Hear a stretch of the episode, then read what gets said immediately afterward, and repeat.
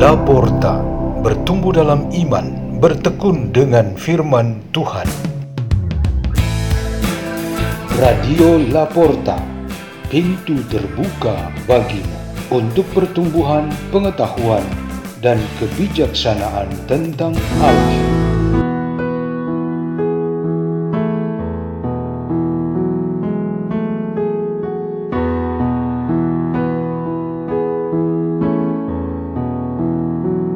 Bacaan dan Renungan Sabda Tuhan Hari Kamis Pekan ke-30 Masa Biasa 27 Oktober 2022 Dibawakan oleh saya Victor dan Ibu Heni dari komunitas Pukat Labuan Bajo Kuskupan Ruteng Indonesia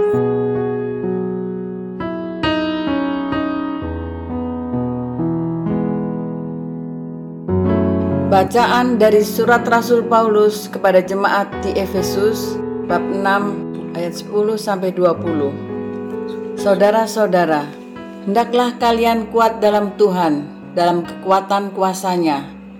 Kenakanlah seluruh perlengkapan senjata Allah agar kalian dapat bertahan melawan tipu muslihat iblis. Sebab perjuangan kita bukanlah melawan manusia, melainkan melawan pemerintah dan penguasa melawan para penghulu dunia gelap ini, melawan roh-roh jahat di udara.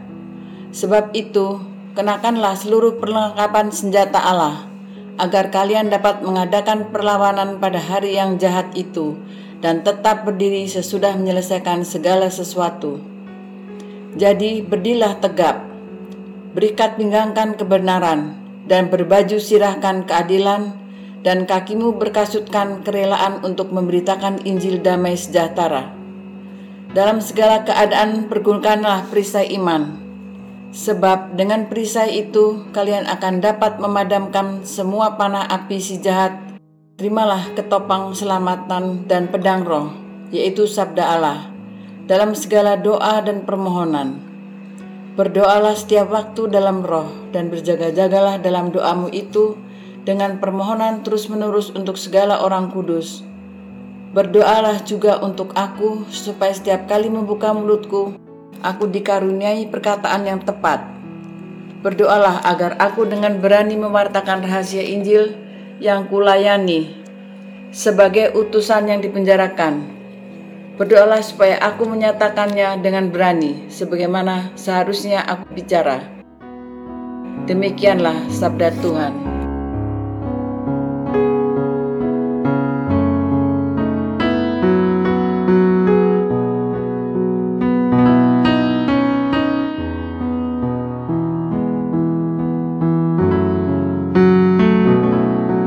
Renungan kita pada hari ini bertema menggunakan kekuatan Tuhan. Ada seorang pemuda bercerita kepada teman-temannya di gereja bagaimana dirinya mempertahankan imannya di tempat ia bekerja. Ia seorang yang taat dan sungguh-sungguh beriman, namun teman-temannya yang tidak seiman tidak menampilkan diri sebagai orang-orang beriman. Banyak yang suka menghujat Allah, ada yang berperilaku tidak pantas seperti menyebarkan fitnah bertindak kasar dalam kata-kata dan tindakan, curang dan tidak adil. Pemuda ini berprinsip bahwa Tuhan yang ia imani dan yang menyertai dia setiap saat memberinya rasa aman, kuat, dan percaya diri. Ia tidak takut apa pun, meski di sekelilingnya penuh dengan gaya hidup yang berlawanan dengan Tuhan. Baginya tidak ada ketakutan berada dan bersama dengan Tuhan Sesama karyawan di kantor yang berlaku kasar, berkata bohong, menyebarkan gosip atau penghinaan, dan yang berbuat curang adalah rekan-rekan yang ia temui setiap hari. Ia tidak merasa asing bahkan terancam oleh mereka. Tidak sedikit pun kesempatan baginya untuk terpengaruh oleh mereka.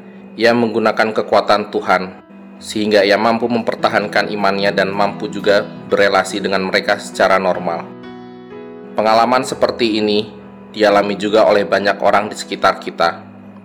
Ini semua adalah pengalaman di dalam dunia nyata, di dalam dunia tidak nyata yang di luar jangkauan indera kita, sering menjadi gangguan tersendiri. dunia hantu dan gaib sering menakuti kita. Banyak di antara kita yang atas nama Tuhan yang menyertai sama sekali tidak takut dengan setan, hantu, dan kekuatan gaib. Mereka sungguh percaya bahwa Tuhan Allah lebih kuat daripada semua kekuatan itu. Hanya dengan nama Tuhan yang Maha Kuasa, mereka terlindungi, dikuatkan, dan diselamatkan.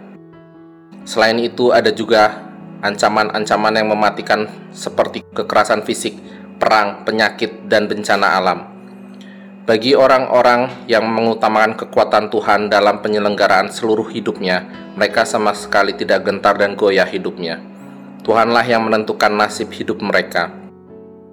Jadi, warta gembira bagi kita hari ini adalah seperti yang disampaikan oleh kedua bacaan hari ini Santo Paulus di dalam suratnya kepada jemaat di Efesus menegaskan bahwa kita bertahan dan dapat melawan musuh di dunia ini cukup dengan mengenakan senjata Tuhan Allah yang kita kenakan sebagai pakaian kita. Tidak ada satupun kekuatan lain selain Tuhan yang dapat memisahkan dan menghancurkan kita. Demikian juga Injil.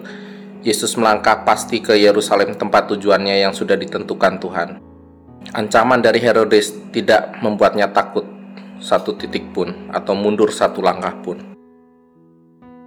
Marilah kita berdoa dalam nama Bapa, Putra dan Roh Kudus. Amin.